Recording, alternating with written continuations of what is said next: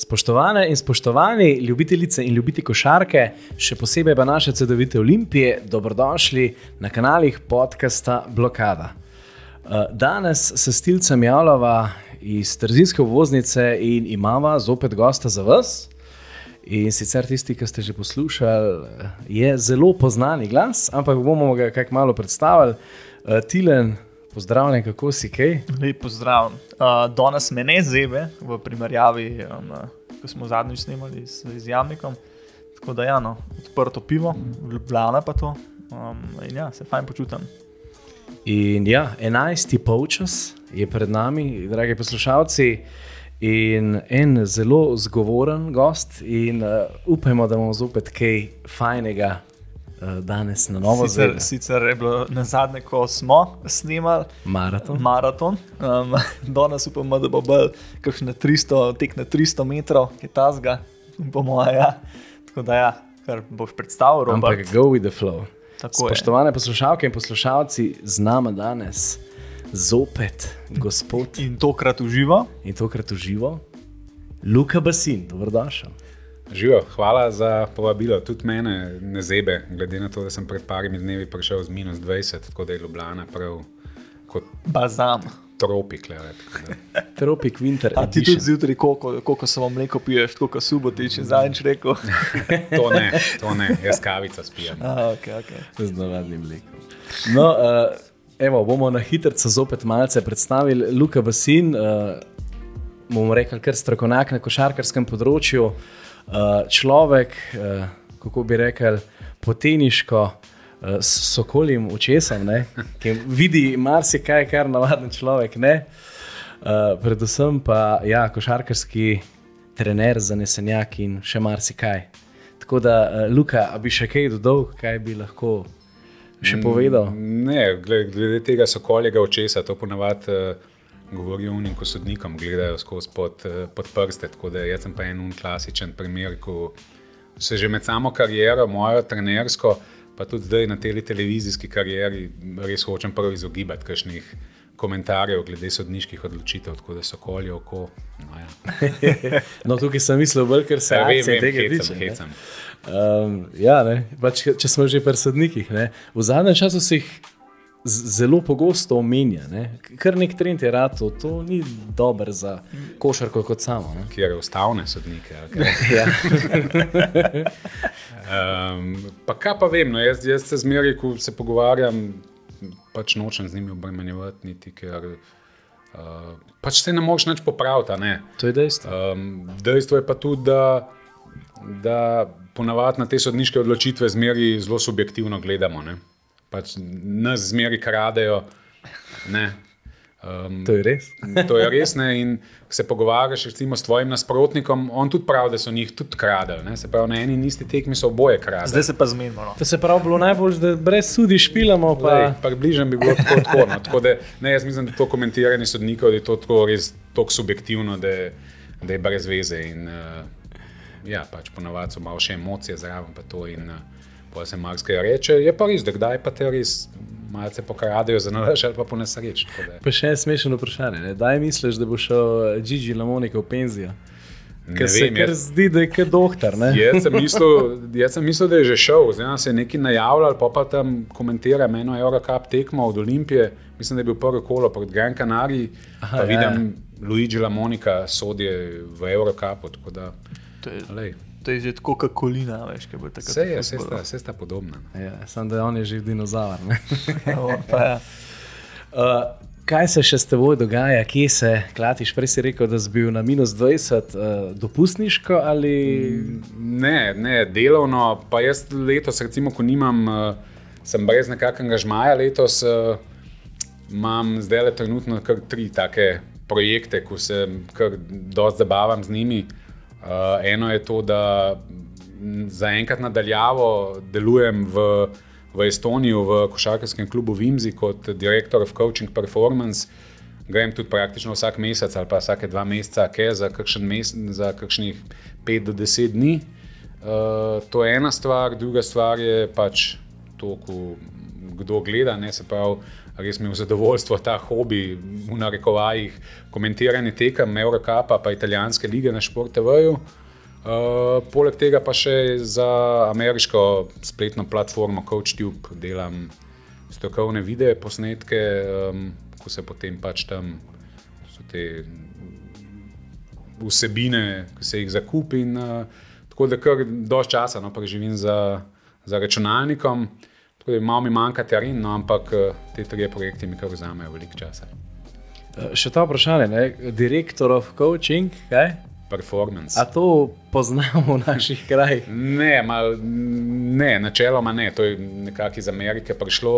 V bistvu zdaj verjetno je bil to pod vprašanje, kaj to sploh pomeni. Uh, jaz pravim, zdaj nekako nadaljavo ali prek Zoomov ali pa telefonov, s tem, da pa ja, sem bil pa leto že trikrat tam. Um, v prvi ekipi njihovi, ki je članica Estonsko-Latvijske lige, zdaj so, so ja, smo na četrtem mestu, res eno veliko presenečenje lige. Uh, pomagamo prvi ekipi, predvsem s scoutingom, uh, tem advanced scoutingom za nasprotnike, pa malo še pa stalno se menimo s head coachom, assistant coachi.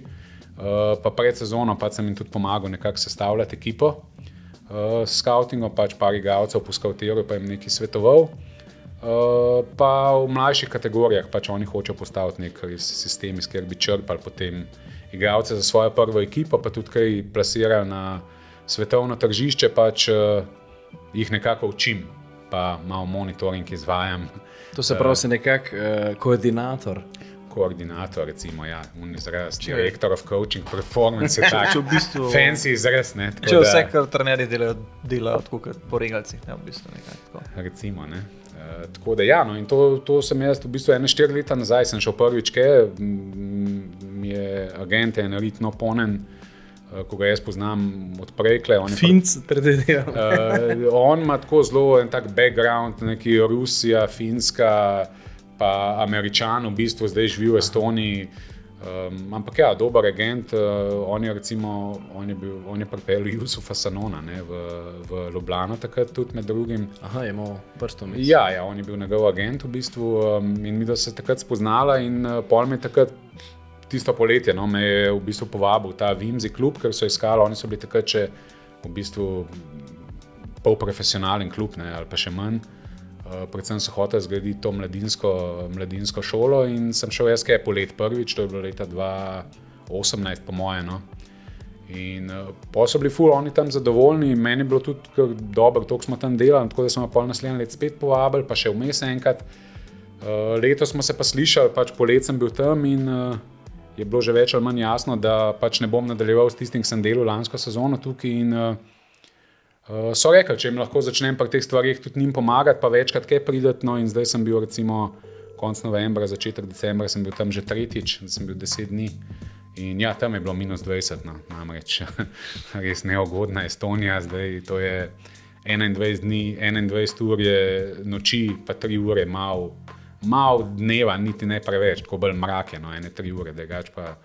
Polet pa ravno obratno, ne se zbudiš ob dveh zjutraj, pa je odzun, svetlo. Pa je svetlo odzun. Da, uh, to, ja, to, to, je, to je ta sever. Ne? Ja, pa to je ta zgodba no, s, to, s tem estonskim košarkarskim klubom Vimzi.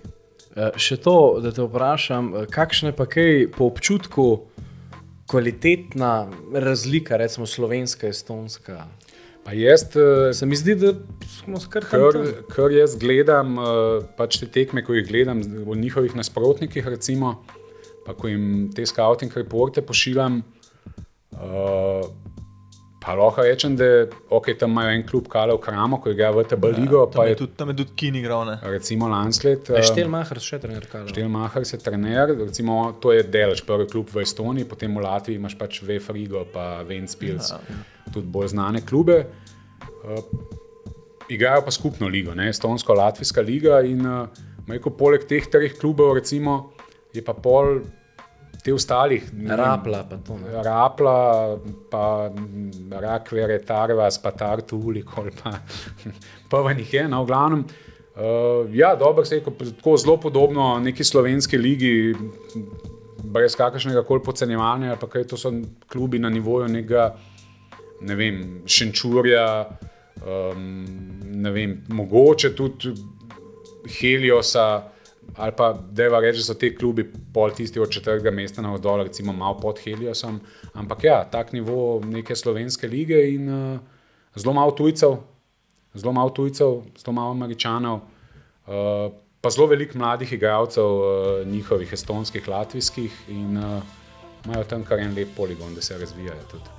Klem je to v bistvu dosti zanimiva kombinacija. Ne? To mogoče tudi slovenska liga se ne bilo slabo, se mogoče zaradi same kvalitete združiti s kakšno od sosednjih držav. Ja, dejansko to, to pač ne bi bilo tako slabo. Ne? Pač dvigneš kvaliteto. Ne? Sicer zreduciraš profesionalnost ja. slovensko, ne? ampak. Ja, ne vem, lej, tam je sicer to na dosti majhnem prostoru, ne? Estonija je pa bližje no, milijonka kot Slovenija, oziroma malo je večja, pa zraven Latvija, okay, ne, ampak to niso dolga potovanja, tako da res praktično vse, kar se v Estoniji dogaja, greš ti pač 100 km levo. V istem dnevu, ja. zdaj če greš v Latvijo, pač moraš še za dva dni, zdaj če bi bil tukaj v Sloveniji, Hrvaška, ne vem, Bosna, vse. Vse imamo to ABA 2 ligo. Pa, pa se imaš ABA ligo, konc koncev. Pa un Alpe Adria Cup, ki ga zdaj pač Ilirija igra, ampak ne vem, to ABA 2 še nekako, ta Alpe Adria Cup se meni ne zdi neki. Baš kvalitetno. Ne? Pa ne vem, kvalitetno in če prav resno vse skupaj. No. Sicer si igraš neke mednarodne tekme, pa to, ampak ne vem. Ni vojsko, ni lih. Pri, bi tako rekel, no, da na našem področju se prijava dve začne. No. Recimo, ja. Ja, no, evo, za vse tiste, ki ste želeli še malo uh, poizvedeti o Luki, um, vsak dnev, kako se temu reče, vsak dan. Vsak dan. Ja. Uh, ja, zdaj pa najbolj, da pač še gremo malce na tist, ker pa nas uh, zelene navijače malce bolj zanima. Uh, in sicer pač nekako Olimpija se je s prihodom Ferela in Omiča ojačala. ojačala. Zdaj, ja. rezultatsko še čakamo, ampak uh, tvoje mnenje, recimo, vsi smo nekako pričakovali višjega pleja, ampak prvi del tekme nas je Ferel rekel, dokler nas nasprotniki no. niso malce naštudirali, kar preseneča, oziroma preseneča, še vsem ima 250 tekem za sabo, kar se potem tudi pričakuje, konc ja. koncev. Definitivno.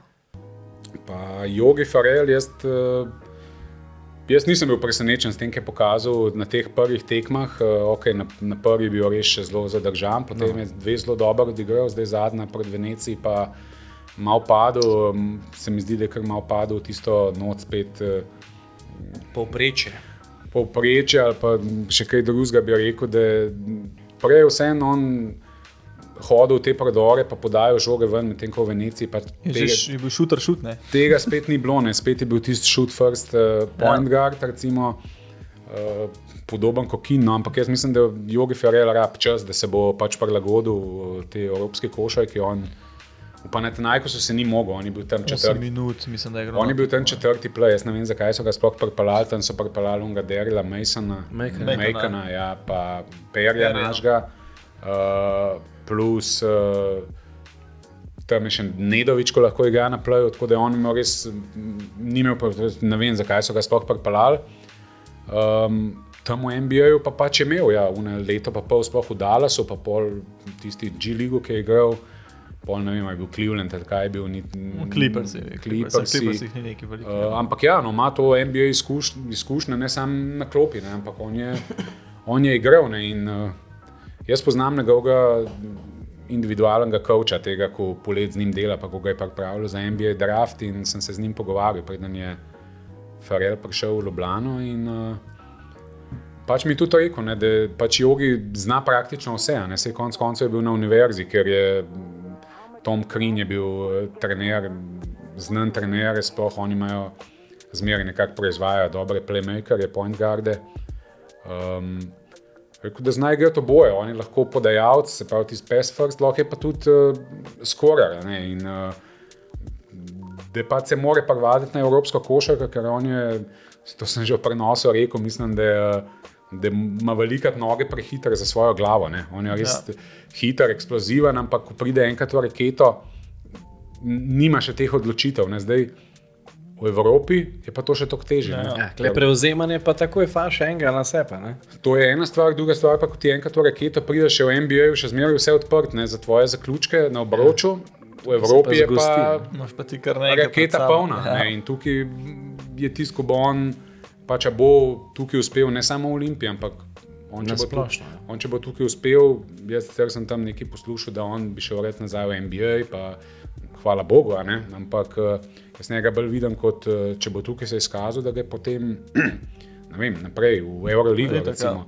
In če bo on uspel te stvari, eh, ta decision making pod v raketi poboljšati, ne, če bo vedel, kdaj sam zaključovati, kdaj pa podati podat ven ali pa noter, pač kamorkoli že na vtekanje na odvajanja, je, je lahko vrhunski igralec, en boljših. Eh, playmakerjev v Eurocupu. Zdaj, kot smo rekli, no, zdaj le nič kaj dobro ni kazal, zadnji dve tekmi, konc koncev proti, proti študentskim centrom. Nimo, ja, asistenca je Ja. nimel. ne. To smo Ker je malo pa tisto, kar mi rabimo, ne, konc Ja, koncev. zdaj, hvala Bogu, proti študentskem centru je imel Jaka Blažič ne, Ja. ja. svojo najboljšo tekmo, kar Ja. ja. se tiče razigravanja. In, uh, ampak ja, se spet nam nič novega rekel, če me rekel, da iz mojega vidika ta ekipa Olimpije letos, sploh zdaj, ki je nadgrajena s tema dvema igralcema, da, da so to vrhunski posamezniki, ampak enostavno, da.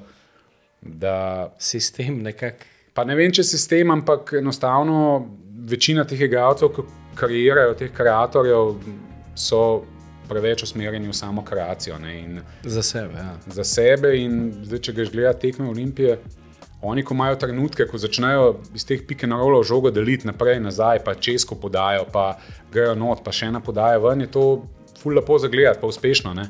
Ampak takih, takih obdobij no, zaenkrat premalo. Sam kaj v bistvu fora tega, ker pač igravci se v bistvu sami vidijo, da efekt je pač iz nekakšnih trenerskih oči. Zakaj v bistvu igravci to ne ponavljajo? No? Pa, Ali, ali to situacija to kot je- sama do tega pripelje? Ne, to sta le dve stvari, lahko tukaj rečemo. Eno je, da tega ne znajo konstantno delati, ne? druga pa je, da so pa taki egoti, da nočejo tega delati. Ne? Jaz zdaj ne bom se upletel, Ja, kaj je, kaj ni. Ne? kaj je, kaj ni, recimo zdaj v CD-viti Olimpiji, ne? ampak to sta dve opcije. Ne? Pokazali so, da znajo, zdaj pa. Ali, Mislim, da znajo, na, na trenutke znajo. a Ne? Je Zdaj točno pa- to, ja. Premalo, ampak je premalo, kot smo rekli, premalo takih Premalo trenutkov. a je ne. teh obdobij, ko, ko se to dogaja. Ne? To besedno padeš iz enih 3-4 minut, ko Ja. ja. uživaš to gledati, pa pa spet kar naenkrat začnejo. Po domač povedan, da solirati, recimo, Ja. ja. tisti žogo, driblati vsi. To nič dobrega ne prenese. Zdaj, a niso sposobni konstantno to delati, se pravi, ali tega ne znajo, A, pa vklopijo tisti hero mode. Ne. ali pa točno to, ali pa pač nočejo v določenih trenutkih zdaj, ampak to so pač stvari, ki jih morajo pač oni oziroma njihov štab. Ker teh pacov je res veliko. ne. Tudi če se Venecije na hitro spomnimo, tista tretja četrtina je bila vrhunska. a ne. Potem pa spet tista četrta četrtina, ko je pa enostavno smo kar ja. bele zastavce. Pa ne, pa problem tega je, da tudi ti, recimo, ko začneš s temi solo akcijami, kreacijo zase, tudi če daš koš, ok, v tistem trenutku je to kul, cool, ti si ga dal, ampak posledično štiri igralci stojijo. Ja, ne. a ne. In to je bila ne vem, ena tekma, zdaj se nam spomnim, kjer je Kin recimo vrhunsko odigral, ki je dal ne vem, 25 FMP. FMP, ja. On je kariero zase, on je dajal, vsi, wow, wow, wow, dvorana na noge. Ne, pač, ampak jaz sem tam bil, sem rekel, ja, to je vse kul, cool, lepo igra, samo. Ko bo ostali štiri, da Njegova naloga je, da razigra tudi ostale. To ne, se je pa in- pokazalo. In recimo točno na tej tekmi se je to pokazalo, in uh, to je težava. Ne, ti, mislim, težava je sploh, če ti ne zadaneš. Ne, če samo kreiraš, pa nisi uspešen, to je še večja težava. Ampak tudi če samo kreiraš, pa si uspešen, daš koš, enostavno ne razigraš še drugih zraven. In ponavadi, le se bodimo pošteni. Tam, ne, če gremo basket igrati, boš ti dvakrat sam šel na koš. Pa tudi, če ga uždal ali pa ne, kaj, kaj bom jaz kom žogo dubo tretjič. A mi že ti jim podal? Ja, itak. ja, ne bom ti. Tukaj ja. ne bo nazaj Ja, to, spet, Ja. to je pa spet to, ne pač ego, mogoče pa te stvari. ne, a veš. Lej, to so pač stvari, sicer, ko, jaz ne rečem, da se to dogaja, ampak eh, pač to so stvari, ki se morajo pač razrešiti, ko ne se ne bi na načeloma Ja, to, dogajalo to, na tem točno nivoju. to, točno to. Tako da se pravi, še enkrat ne rečem, da se to dogaja, ampak pač tako sem pa kaj zgleda. Ne? Ja, pač res eh, zelo zanimivo je, ker vidiš, da se da, pa se to ne ponavlja. In pol si tudi kot navijač, ki gledaš tekme, malo tako konfuzen. Ja, letos predvsem to motno pač obrambe, ker je pač obrambe res, pač na, res nis, nizko kvalitetno no, vse skupaj. Na momente ne imamo teh flashe, ko pokažemo, da se da, če se hoče. Potem pa kar imaš avtoceste v raketi, to je že kar stalnica letos. No. Ja. In tudi, če ti nekaj dobrega v napadu narediš, se avtomatično z naslednjim napadom, ko ga braniš, Ti moralo, pok. pok, tako je butne dolne. Dobro, no. Dejstvo je, da Olimpija igra na veliko posesti, že lanske te še več, letos tudi. Recimo, in zdaj sami te število točk, ki jih oni dobivajo, to ne kaže čist, recimo, da je pa to slaba obramba ali karkoli. Ampak dejstvo je, če pogledaš to napredno statistiko, recimo, ko jo imam jaz dostop do nje, uh, je Olimpija ena. Zelo je slaba v branju teh spot-upov, se pravi, ko nekdo proti njim igra s pretokom žoge, ko oni začnejo loviti te Zmeren zamudi. ne. zmeraj en Ja, zamudi, ja, ja. ali pusti nekoga na šutu, ali ga tako agresivno pokrije, da ga mimo njega pa naredi še večjo prednost. In recimo v tem elemen- tem elementu je Olimpija, tudi statistično, to je dokazano, to se jaz ne zmišljujem. Uh, recimo najslabša, kar se tiče obrambnih elementov, ostalo sploh ni, niti ni tako slabo, ne? ampak zdaj, če vemo, da je pa ta obramba na spotapu v bistvu najbolj pogost eh, play-type obrambni, Ja. pa priješ do tega, da je pa to je, recimo, ko je neke izolacije, pol stape, eh, tudi pike na role, bolj, Hitro pride do tega, bolj handlerjev. To oni dosti dobro branijo, recimo, ne, tudi statistično, ampak čim pa gre potem žoga naprej, pa Hiter, ja. se zaokrož, pa pač ja, so prepočasno pri igralcih ali pa prehiter pri igralcih, pa jih potem spet prebijajo, pa delajo še večjo prednost. No, tako da to In je- letos so tudi nasprotniki CD Olimpije pač to dejansko izkoriščajo Na na, polni črti. Na ure. Seveda, se le, danes, danes imajo vsi več ali manj dostop do tega, pa ko delajo scouting, vidijo, kje je nekdo šibak, kje ni. In, uh, Pol sem to fura, kaj pol razni tesitori pridejo. ne? recimo, ne, dobro, ne, to, to ne, to, da je, to, da je dal te sitori dve trojke. Lej, Je dal- samo mehka rokca, en tip sem. Ma, ampak on celo sezono ni dal trojke. To sta edine dve trojke, ki jih je dal. Tako da tukaj ni, ni tukaj problem tesitorja. Ne. Zdaj se vem, da se heca, je ampak tako- eh, To je tako kot kops pri budučnosti, takrat, ne? Kar Ja, ja, ja. je tri zapore. recimo, ne. Ja. Ko prideš v švung, boš probal. Ja, ja, enostavno tukaj pač eh, tukaj ta stvar, po mojem, ko, ko tepe Olimpijo, kar se tiče, kar se tiče igre obrambi. No, in uh, potem je pa prišel Omič, uh, ker nas je razveselil, predvsem ta njegov karakter, pozitivnost, vokalnost, ker Pa energija na parketu. tega mi, to mi pogrešamo. Tudi navijači vidimo iz uh, sedišč, da pač je preveč neke take mirnosti, ni benga, ki bi popisal po domač povedan hyperja. Pa predvsem, da pač, ko nam ne gre, se lahko končno žoga spusti na pol stap in se zrita omič noter. In... Ja. Classic Big Man. Kle to nam manjka, ta old school petica. No? Tudi Murič to zna občasno, Pa, ampak pa ima ne tisto uh, neko, neko ves, uh, virtualno je dober, pač spletu itak, prneme to klasika iz navijači in ga začutiš, takoj, ko na parket stop, ga začutiš, no, in to se res manjka, še prikašeno. Ne. Tudi je Omič prišel, sta bile moje hčerke, ful vesele. One dve ga ful obožujete, ker sta bile stare, ne vem, takrat sem jaz tam delal, pa je bil Omič, pravi 2013, 2014, uh, ki je bil, on se je zmeraj z njimi tam igral, sta bile stare. Kaj, pet, šest, sedem let in ga ful obožujeta. Ne? Tako da sta bili, wow, omič, oči, oj, omič je prišel. Še tam imamo ene slike, ki so zaslikali, ki so bili taki majhni. ne. Uh, tako da, ampak ja, on je, on je pač, kar se tega tiče, to, kar je že pokazal. Ne? Neko dodatno energijo, skok se je stabiliziral. No? full pozitivc, um, znal spodbuditi tudi tribune, dvigan, če je treba. Jaz vem, da je tako lahko tudi na treningu, kdaj mogoče še preveč, ampak ja, to je nekaj tazga, ki je dober, zdaj ta igra po globini pa ja. Zdaj, to je v nekih zadnjih letih tako ful sicer izumirati začel, ampak zdaj se spet, spet se vrača. No, in, Je to meni dosti bolj zihar točka, ki pa meni Dober je, seveda, no. dober je, če imaš tazga igralca, no, ko, ti bo, ko ti bo uspešen, pač tvoja igra bo veliko bolj raznolika, ne, ne bo sam pike Je na rol ne. ali pa Ja, ja. neke blokade od žoge, ampak boš imel tudi globino. In, uh, zdaj, zakaj se to pač nekako izumirati začel, je verjetno zato, ker so igralci veliko večji atleti in enostavno v obrambi lahko veliko lažje to globino se, se pobran, kot se jo je včasih, ne ko si igral ena na ena. In pa če je kdo prišel, si dal žogo ven, pa je bil šuta. ne. Danes Igralci so taki atleti, da pridejo, pomagajo, pa še ven ujamajo, ja. Ja. potem na šuta. Ne. Zato je to, ampak vsem, če imaš ti ta zgolj igralca, ko to zna, Ja. Je to vrhunc, drugač pa, drugač pa načeloma, ja, danes veliko več eh, zunanji igralci igrajo na po globini pa te visoke igralce se ven vlečejo na šutne, tako nek tak trend. ki je Že nekaj časa, pa jaz pa omenil, da ja, če to zna, recimo, Ful še bolj no. pa Melvin Edgem, recimo, on je lansklet, on je lansklet eh, v budučnosti bil, on je bil igralec v Eurocupu, ko je odigral največ polstapov v celem Eurocupu, recimo, ki je igral na položaju 3. Ne. Ja. Letos pač ne vem, on je nekaj igral na začetku polstapa, zato je igral štirko, več ali manj. Zdaj, odkar je pa na trojki, se mi pa zdi, da ga kar ne vem. Da se ga ne spušča več prav veliko po globini. No, Ma se ječem drugače, mi je kar zelo tako zgubljen zgleda na igrišču. No. Tudi, v- tudi pri obrambnih nalogah se mi zdi, kar veliko vam pade. No. Um, Pa vemo, da gre za defenzivno naravnanega igralca. Ja, dobro. Ofenzivno. je, Edžim je, kar je rekel, full package. a Ne? On je bil tudi, on je bil pred parimi leti MVP finala v Italiji, ko ti ne moreš biti sam z dobro obrambo, ne? ampak ne, on je bil, pač on je, je oziroma, Se tudi ne razume, bil. ne? Ja, V Španiji pa Seveda. Unix in Unix, vse te stvari. Tako da ne, on je, on je dober igralec in uh, zdaj verjetno se je malo več pričakovalo od njega, ampak on je igralec, ko mu moraš ti, uh, mu moraš ti nekako naštimati. Ja. Razen tega Odvisno od polstapa, akcije. ne. razen tega polstapa, ko si on lahko sam nekaj skariral, ostalo je on odvisen od drugih. Ja. A moš ti dal žogo v pravem trenutku, a mu ga boš poslal v proti napad. Um, ok, obramba je obramba. Pač ti ne. ga moraš kontrolirati, v bistvu, konc koncev. Ti ga moraš nekako hraniti s temi žogami, in tukaj spet prijemo mogoče na to nazaj, da je Olimpija.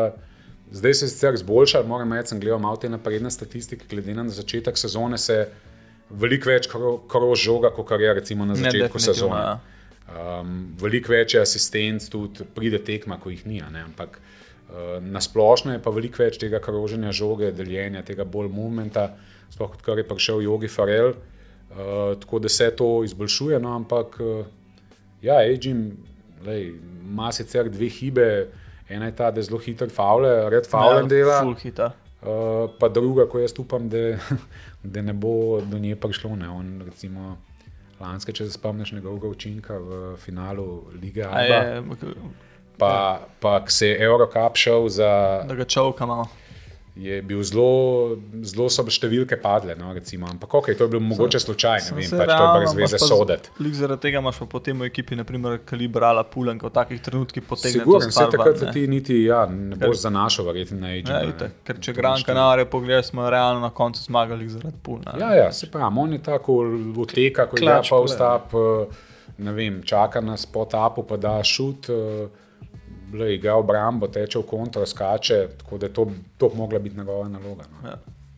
Ja, mislim, zanimivo je, kako nekako en igralec ali pa dva lahko spremenita vse skupaj. No. Zdaj za samo klimo ne vemo, ampak saj nekako na igrišču se odraža drugačnost. Pa... Tudi klop je bolj aktivno, da ga dela v teh trenutkih. Ja, no, primerjava. Tukaj predvsem je to, no, odkar sta prišla one dva, ampak ok, Omič je drugačna zgodba, ampak odkar je prišel Jogi Farel, sploh tiste prve tri tekme, je, tako sem rekel, ta bolj moment je bil Bolj- ful bolj- lepši, ja. več ga je bilo, um, iskal se je res eh, pozicije še boljše, ne vem, iz prvega pika je naredila neka prednost, pa je šla žoga naprej, pa se je naredila še večja prednost.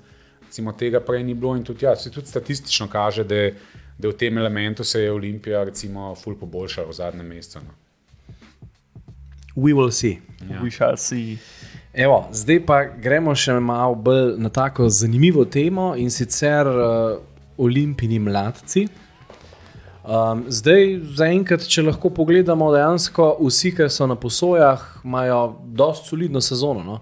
Ni bom rekel enega tacga, da bi rekel, da mogoče ni najbolj, ampak na prvo žogo, če gremo ne na Lirijo, ampak uh, v CD-vito junior, junior Ja. uh, uh, Radovič je sicer zdaj, mislim, Poškodovan je že, je že nazaj, je že igral zdaj le. Ampak je bil poškodovan, ampak če to odštejemo, je zaenkrat Štartujemo- uh, zelo solidno sezono. Ja. Lukas je kaj vrgel uč v sosednjo mm. Hrvaško. No? Nekaj malega sem spremljal, moram reči, Radoviča. Skakavc, hud, no? mislim, zelo je bil v top 3 v ekipi, Charles strelsko. Barkley. Ja, lej, mislim, njegova mogoče stvar, ki mu ne gre na roke, to, ne vem, kje je pozicija. Je on, ne, Ja. ja. Tri, štiri ali dva, ne vem, lahko igra vse, sicer to načeloma niti ni taka hiba, ampak pač nekam ga moraš. Primarno. Ne? Nekaj ga moraš primarno dati. Jaz, zdaj, Ja, glede, jaz osebno, ne, dvojka, trojka je težko, ker ni ekstra šoter, ker dejansko za te pozicije skoraj moraš biti, ima pa za moje, za moje pojme odlike znotraj rakete. No. Ja, tako da ne vem, jaz sicer njega vidim vsem kot neko trojko. Meni je nek bolj edging stil. No. E, to, zdaj sem si me prebral, ne. to sem hotel reči. So da- koli oko. da je, da, je- da, da je on nek tip igralca Melvina Jima, recimo, ne? ko bi bil lahko, če bi se pač, zdaj, ne vem do katerega nivoja, ampak tip igralca Melvina Tudi Jima. tako nekako po Recimo fiziki je- se mu približuje. No. Je Rok Radovič in uh, lej, uh, Hvale, hvaležni igralci. podobne, podobne kvalitete. Mislim, zdaj, so te kvalitete na istem nivoju kot Melvin Edgim? Ne. A bojo kdaj, ne vem, um, mogoče. Ampak ja, on bi mogel neko tako vlogo recimo, igrati. In pač ja, če bi bil do, dosti dober, bi bil on lahko ta, ta igralec na položaju tri. Recimo. Da se menja, recimo, v bližnji prihodnosti, mogoče, ko bo Murič prišel v določene leta, recimo Muriča, konc konca. ne. Ja, pač to so nekako ta profil. Ja, on je ta profil in lej, največje pa zmeri, lej, si tim danes verjetno, če imaš še za kakšne druge, pa največje zmeri odvisen od vsakega igralca. ne. Težko je tukaj reči, lej, trener mu ne da, trener to, trener ali pa ne vem, agent je rekel to. Lej, ga ni trenerja, ko bo, če bo igralec dober, pa delaven, pa učinkovit, da ga bo dal igrati. da, lej, smo da, da je. čas kruzamo. Ja, Ja, lej, pač ne, mi velikrat, eh, mislim, mi, vi, eh, ne vemo točno, ne, kaj se dogaja na treningih. Ne, kaj predvsem veš- navijači smo tisti, ki gledamo z našega vidika, Pa- ne. No, vse, zato sem rekel najprej mi, pa vi.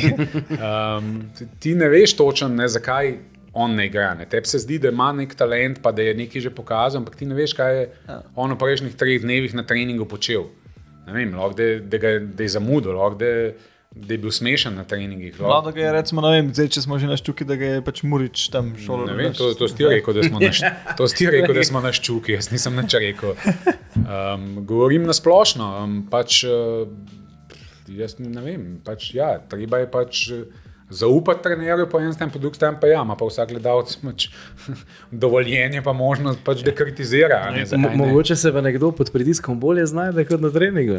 Lej, uh, tako da ja, tukaj pač zakaj kdo igra, pa kdo ne igra, to je pač zmeri sam pač od ja. trenerja. Pa pol se pa trenerja na koncu konc leta ocenjuje, ali pa čez dve leti, ali je pravilno, da je njemu dal šanso, ali pa da njemu ni dal šanse, whatever. Ne, tako da, um, ko si, no, smo se o roku pogovarjali. No, jaz njega vidim kot nekega Melvina Edžima, zdaj a bo pa dosegel to kvaliteto, ki je Melvin Edžim ima. Pa, Lahko pa upamo. Ne? To pa- Slabo ne bi bilo. ne. Lej, za vsakega je treba, jaz pravim, ko ti razvijaš igralce, recimo, če govorimo o Olimpiji, ne smeš gledati, da boš ti zdaj, ne vem, razvijal Luko Dončiča ali pa tudi Melvina Edžima. Ne, ne, itak. Ti razvij igralca, ne, ampak razvij igralca, ko bo uspešno igral za CD-vito Olimpijo. Ja. Pa ga boš lahko zadržal. Ne? Ok, zdaj, če bo on tako dober, da bo šel, Da gre gor, pol kul. Ne gre, a ne, ampak eh, hočem reči, ne pa, da ne vem, ti nekoga, ko vidiš, da ta pa ne bo Luka Dončić, pa se ga ne rabimo, pa ga odjebeš, po domač povedano. Ja. Uh, tako da tukaj se ena napaka mogoče dela nasploh v Sloveniji. ali No, se jaz bi kle sam dodal. ne, eh, S prihodom Jurice smo vsi tisto prvo njegovo polno sezono, ja, taj pa Kuriđa, taj pa Šiško. Točno to, kar se zdaj omenja. Ja, lej, uh, tako da. Pač jaz mislim, da je treba pač proizvajati igralce, oziroma truditi se, da boš proizvodil igralce za svoj, za svoj nivo. Zdaj, če pa kakšen tako dober, da bo šel v NBA ali pa še kaj več, pa hvala Bogu, to ja. boš, pa, pa veliko bolj strpni biti. Ne. In gledalci, in mediji, in, uh, in trenerji, konc koncev, ker uh, tukaj je pri nas, ne vem, z 18 leti, 19, če ti nisi že za rotacijo CD-vite Olimpije, si načeloma, da se ta pa ne bo, ne, pa si avt. Ne. Pogledaš, ne vem, neko italijansko ligo ali pa špansko, zdaj šel v Valencijo, recimo, jutr. Oni imajo tri ali pa štiri igralce, ki so stari 22-23 let, ko so dobesedno tri leta greli klopco na. Ali pa. Late bloomer. Ne? Ja, nekako tako. pa, pa ne, ok, late bloomer je načeloma. Ni ja. nujno, da je sploh za bluma. Ja, no, ampak eh, hočemo reči, da se jih prehmal se jih odpisuje. No, jutro boš videl, da so ne vem, Puerto, Predilja, ne vem, zdaj na pamet vse.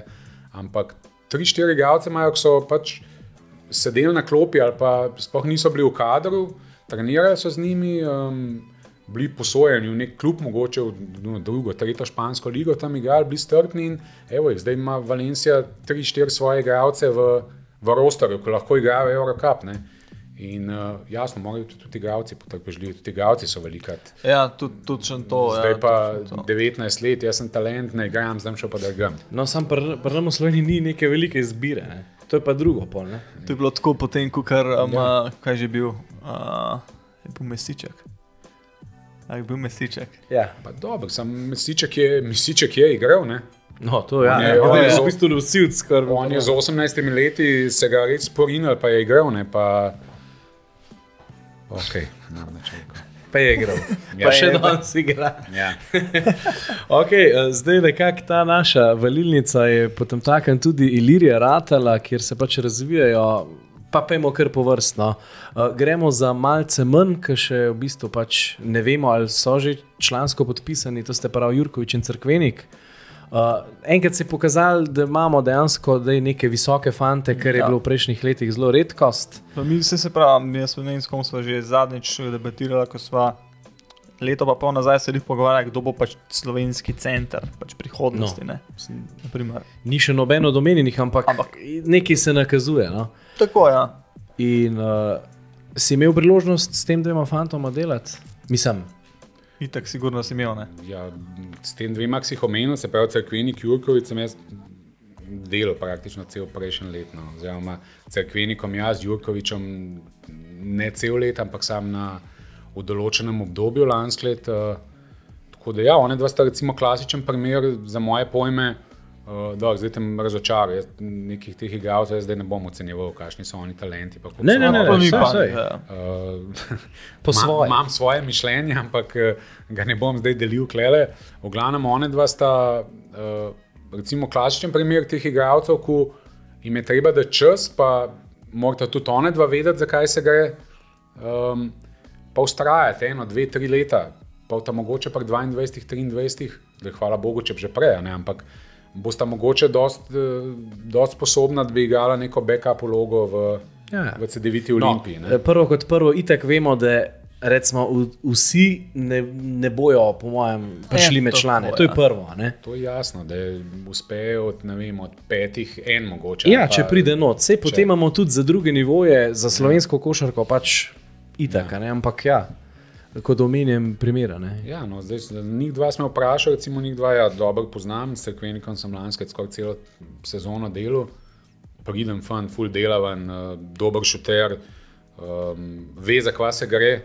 Jaz ne ga vidim, zdaj, če smo že prej primerjave nekaj delali, da je on čez lahko v neki dogledni prihodnosti, ne vem, Alen Hočič. Hm. Komod. No, no, pač Verjetno, če bi šlo po nekih idealnih uh, scenarijih. No, ja, in uh, CD-vita Olimpija ima letos še enega na posoji v Rusiji. A, evo, to sem ga. Sokolijo, ko bereš mi Ja, misli. ne, pač, uh, ne gre nekako, eh, ne gre mi sitnikovo pozabo, Vse, predvsem, oni še vedno posojene v bistvu Ja. ja. Nižni Novgorod. Ne? predvsem, ker je pač kot mladinec uh, upozarjal z atraktivnostjo, pa šut ni bil slab, pa je malce odstopil od sovrstnikov. No. Zdaj pač, če lahko karkoli nam. Pa on je šel, kot jaz vem, v, v Nižni Novgorod. Nižni Novgorod. Ja. Tam je v pripravljalnem obdobju kar dosti igral, pa to dober. Zdaj pa, ko pač gledam statistike, Mislim, da ima dva tekme letos. pa vidim, da ne igra, ne, sploh da ga ni v postavi. Ne, tako da, pač jaz ne vem, zdaj, kar se tiče tega fanta, je predvsem to, to dobro rekel, te kvalitete, ko jih ima. Ampak uh, ena velika stvar v tem player developmentu, ali pa to je tudi uh, razvijanje te mentalne moči. Ne, in tukaj je recimo Igor Sitnikov bil en klasičen primer, ko, Moč. ko ni bil pripravljen v glavi, ne, mentalno, mentalno. ni bil pripravljen uh, stopiti na ta višji nivo in on je košarkarsko, to ko se reče, take igralce se danes išče. Zdaj, um, je pa vprašanje s to mentalno močjo. ali Ti lahko nekako to razvijaš, nekateri to razvijajo, pol nekateri to že avtomatsko imajo. ne. Meni Luka Dončić nima težav, da bi mogel trenirati mentalno moč. Ne. On, je, on je prišel 15 posojil, on je lahko posojil drugim. pa, pa, je, pa je v tretji sekundi tekme trico zadev na prvi tekmi ne, Ja. v španski ligi. Um, Igor je pa to predvsem manjkalo, on je bil stalno vs ne samozavesten, um, mogoče kdaj na tekmah daje vtis, sploh na teh mladinskih, da, da je pa on ta vgaj, ampak mm, ni ne in on njega je to dobesedno pač uničilo. On se je vsak, je vsak zgrešen šut, se je sekiral, se je poglav tolku in enostavno Preobčutljiv. No? Ja, ta mentalna moč je ena, en glavnih faktorjev, a boš ti, ko boš prišel košarkarsko do nekega nivoja, boš potem uspel ali ne boš uspel. No. Tako da se mogoče samo še kaj vrnem na to stvar pol v nadaljevanju. Ampak to je bila recimo eh, stvar, ko jo je Igor Sitnikov. Upam, da bo popravil kdaj, ne, pa, da bo Mogoče pa v domačem okolju. Vse No, to, to to, to reči, mislim, da je bila tudi ideja. No, da, je namen, to, da je to bila ideja, pa namen, da on gre eh, nazaj, da mogoče tam to nekako spozna, pa tam to dobi, ker bo le bližje doma, da je mogoče tudi to bil, pač, da bi on štiri leta ali pet let celo tukaj stran od staršev. pa To, da, tako da mislim, da je bil to no, namen, da se ga pošle v Rusijo. eh, Na posojo, in uh, jaz upam, da, da, da se bo razvil, a ne še časa ima še. Časa ima še, ampak uh, ja, to je njegova hiba, da nekako mentalno ni uspel preklopiti na, Višji na ta nivo. članski nivo. No. No, vse pa če upam, da tudi taki igravci pri 22, 23 nekako pridejo, sej ne bo nič. Uh, To so se prej off the record ne. pogovarjali, Ja. a ne, da, da je v Sloveniji ta težava, da se igralce ja, pri 19 letih označa si ali nisi in gotovo. a Ne, da, da je treba te, ker biti- zaznamuje. Ne? Ja, dajo ti neko nalepko in uh, je pa zelo težko. Rok pretekal. Ja, in uh, Marko se pa spet, še enkrat sem vam jutro gledal tekmo, Valencijo pa všujo ti 3-4 igralce, ki so stari 22, 23, 24 let, ali pa Ulom, recimo, ki je bil. Ne, oni so imeli štiri Nemce, jaz sem jim rekel mladi, ampak to so bili 22, 23 let stari. Ne, Pri nas takih ni. Ne? Sam ulem je itek eh, zdaj s tem Orange Campusom, res Ja, spet, ampak, spet se vrgali v Orange. Ja, ne. ampak pravim pri nas ni igralcev, ki so stari, tok, ki so tako stari, ali so tako dobri, da so nekje drugje ali pa nehajo. Ja. Ja, ta luknja je kar.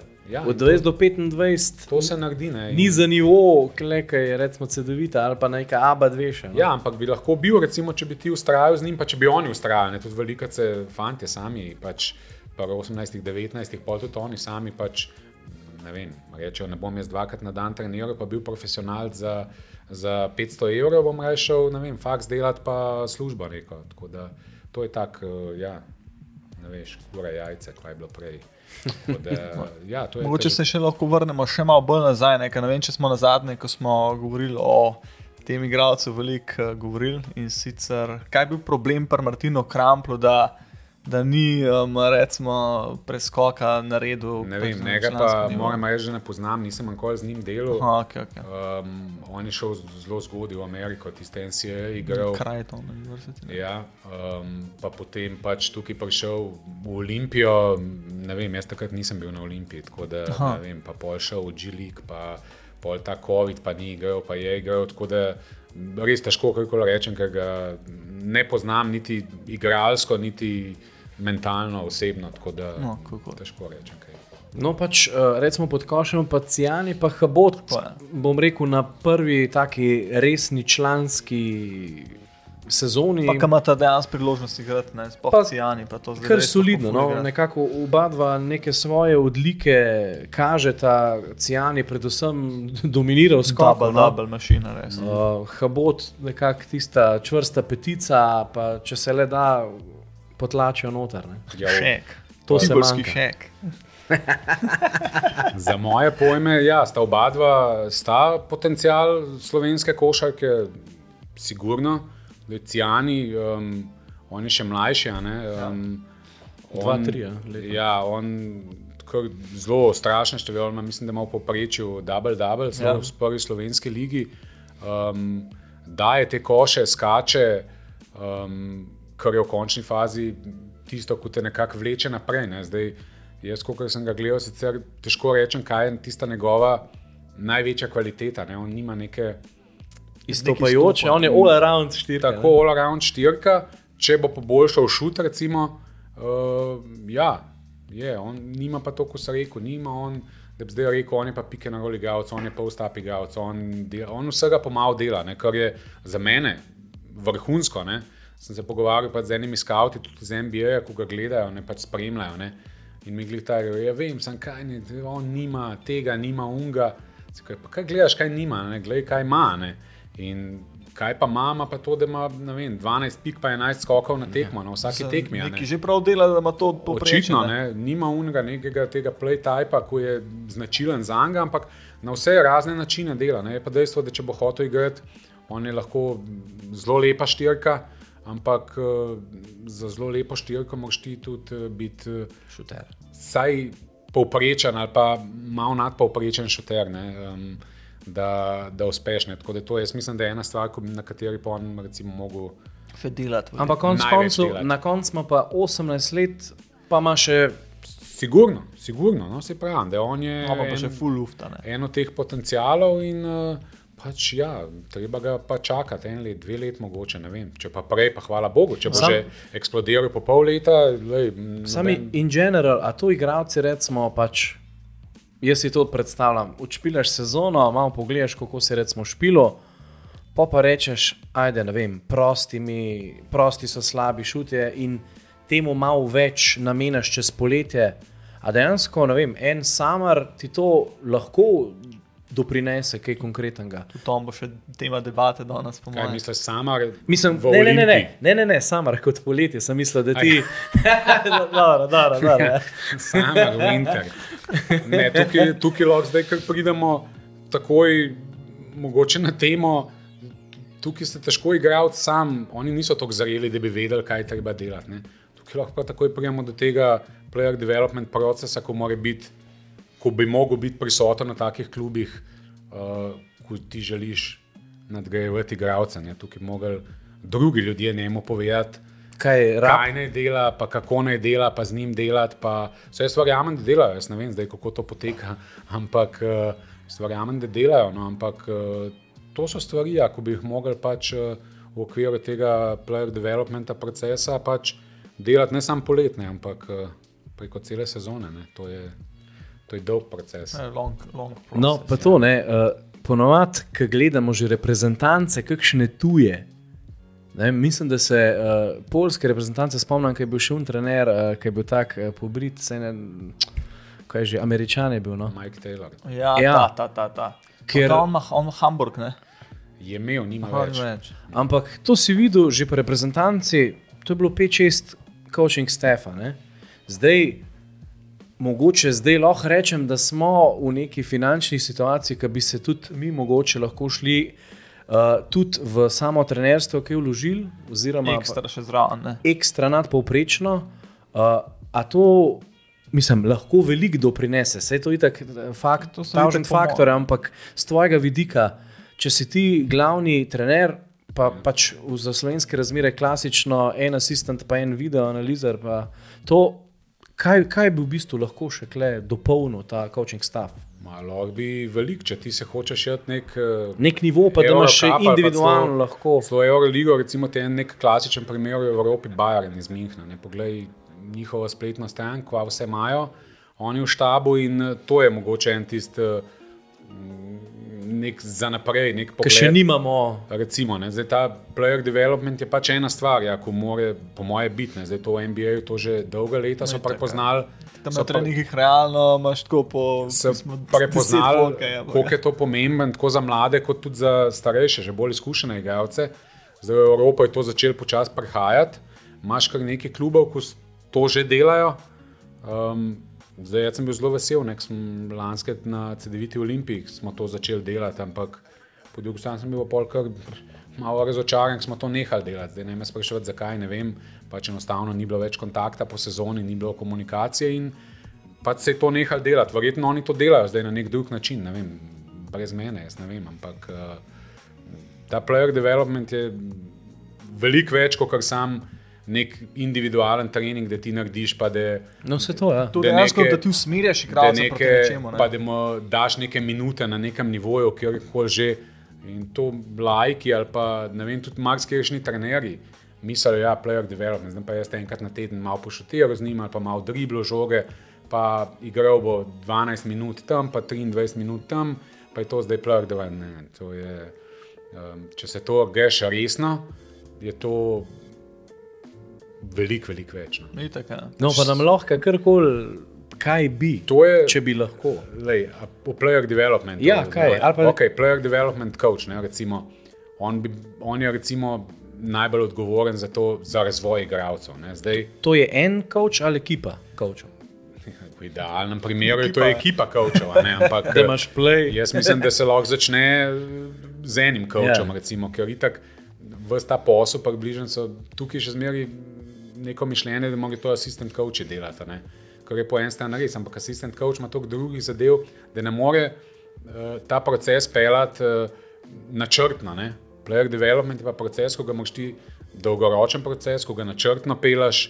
Pa sistem moraš konec koncev tudi postaviti. Ne? Ko moraš postaviti, uh, najprej s kom boš to delo, ja. potem pa postaviti neke dolgoročne cilje, srednjeročne cilje, kratkoročne cilje. Uh, vsak trening, kdaj, kako, ko mora biti upleten, ne vem, pol konc koncev tudi fizioterapeuti, kondicijski trenerji. Um, Če je potrebno, mogoče tudi psiholog, čeprav jaz nisem prav velik eh, pripadnik, eh, za, da bi imel psihologe, sploh ne v teh ekipnih športih, ja, v individualnih, v ekipnih. ni. Ampak, ok, to je samo moje mišljenje. Ja, ja. Nimam glih dobrega, um, dobrih izkušenj s tem, um, ampak, ok, nima veze, v glavnem.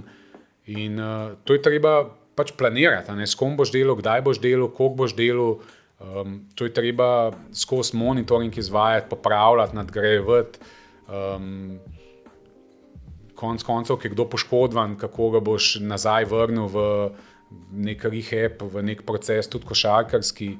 In uh, to je pač, ne vem, prvo, jaz nekako štiri, štiri grupe imam v mojem nekem filozofiji. Sprav, prvo je, da ti, se pravi, spet je odvisno, ti delaš z unimi mlajšimi košarkarji, 14, 15, 16 ali dela s temi, ki je najbolj pomemben, se pravi od 17 do 22, ali dela z unimi že od 23 naprej. ne, Članskimi, Pač, članskimi košarkami. Se malo razlikuje, ampak vse ne. Uh, prvo je te učenje neke tehnike, se pravi od driblinga, podaj, šuta, pa še marsikaj drugega. Drugo je decision making, da ti začneš eh, od 1 na 0 do 1 na 1, 2 na 2, pa mogoče tudi z umojnimi dami defense, se pravi z neko usmerjanje obrambo, da začneš razvijati te taktične stvari, se pravi decision making. Skozi moraš to spremljati z videoanalizami, videoanalizami treninga, videoanalizami tekem, eh, kazanjem nekih posnetkov nekega igralca, ki ti želiš, da se mu ta igralec približa. Ne? Pokažeš, da je on pa tako, pa tako dela, tako bi bilo dobro. In to- Ker to si sploh mladi igralci ful zapomnijo, pa radi imajo to. Ne? Koncev, Da neke idole svoje gledajo. ne. Tako ne, in polih oni radi, ko mu ti Kopirajo. pokažeš, tako kopirajo, pa vidijo neke detajle. Um, pa zadnja stvar je pa to, kar so že prej začeli, ta mentalna moč. ne. Velikrat je vse narediš prav, pa razvijaš vse te stvari prej, ampak če ti nimaš Mental strength. mental toughness, mental strength, enostavno pogoriš, ne moreš, ne moreš iti na, potem na tisti nivo višji, je pa zajeban, malo ta player development z vidika, da ti ne moreš nekih empiričnih rezultatov v bistvu dati, kaj je dober player development, ne? ti ja. mene zdaj vprašaj. Mar bo mislil, da je dober player development, je, če bo zdaj, vem, ta pa ta igralec zaigral za prvo ekipo. Iz Cedevite 4 Olimpije. točk na 8 šel. Ne? Recimo, ne? pa ni čisto tako, ne, to se ful težko meriti. Uspeh v player developmentu je, da ti tiste cilje, ki si jih postaviš, kaj boš izboljšal, pa kako boš izboljšal, da ti to res narediš. Ne. Da se ali- kaže v realnosti. No. Ja, Na ampak tekmi. ne. Ker na tekmi je pa, ja, valjda, v, v idealnem primeru itak, ne, da, da se kaže na tekmi, ampak to pa ni več pol odvisno od player development coacha. Ne. Ja, to je pa od njega. sam. Je pa ja. pol od njega odvisen, kako bo reagiral, pa od head coacha, kdaj mu bo dal šanso, pa kako mu jo bo dal, pa kako bo head coach njega pol Sam ve. To je, to je Tretiral, ne? ja. Uh, se pravi, če rečeš, kaj je uspeh za player development coach, je to, da ti neke cilje, ki si si jih zastavil, jasno v, v skladu s, tudi z direktorjem, pa head coachom, pa vse, da ga ti res te stvari naučiš. Zdaj, kako bo pa on to, je pa boljše toliko drugih stvari. Ne. Lahko da boš ti vse prav naredil v player developmentu, pa on pač ne bo nikoli igral ta določen igralec. ne. Ali pa obratno, imaš pa neke talente, ko tudi če ti vse narobe z njim delal, ali pa sploh ne boš delal, bo on rad igral. Bo spelo. ja. Tako da to je težava, recimo težava. Player developmenta, da, Nekaj izziv, če tako gledaš. Ne? da ni, da ni tega ins- empiričnega rezultata, ko bi ti meril, koliko je ta player development dober ali pa ne. ne. Lahko ti sam pri sebi veš, ali pa tudi nekdo, tvoj direktor ali pa head coach ve, koliko ti dobro delaš, ali pa za nič v končni fazi. Ampak ni pa nujno, da bo pa ta igralec zdaj, čeprav bo se razvil vse te sposobnosti, da bo pa on pol na, na tistem nivoju, ki ga ti hočeš dati, res full uspešen. No.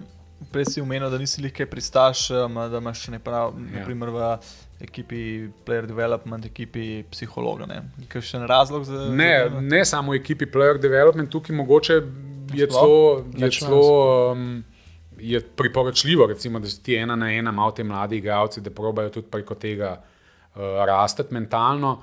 Jaz sem rekel, da nisem pristaš tega, da je nek psiholog član članske ekipe, pa da imaš pol ti une. Pač skupinske seanse. Pa, Aha, ja, pač kaj imam, misliš, ja. imam pač dve zelo negativne izkušnje iz preteklosti s tem. tako Da, Hvala, ne bi rekla, jaz sirkne. glej, Hvala, ne.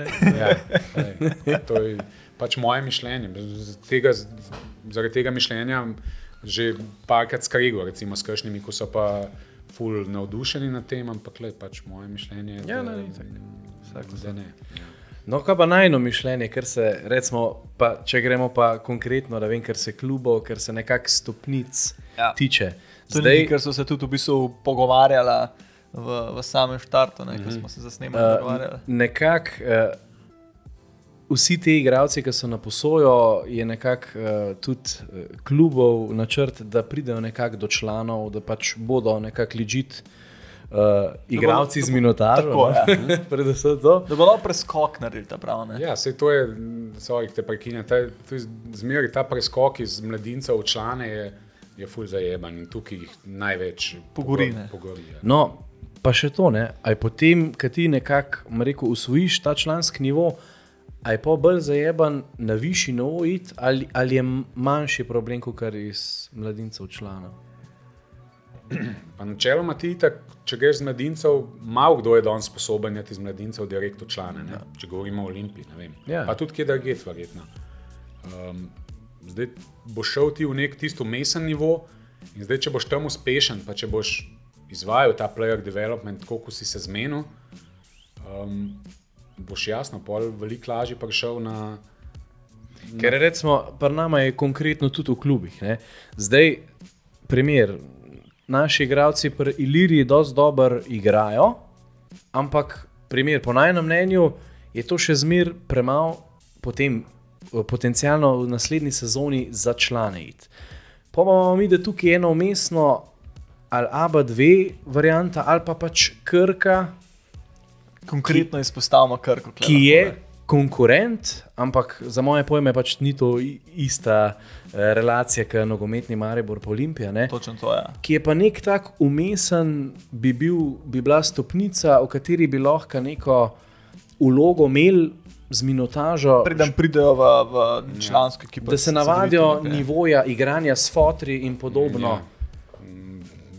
Ne vem, no, jaz mislim, da ta ideja ni glih eh, izvedljiva.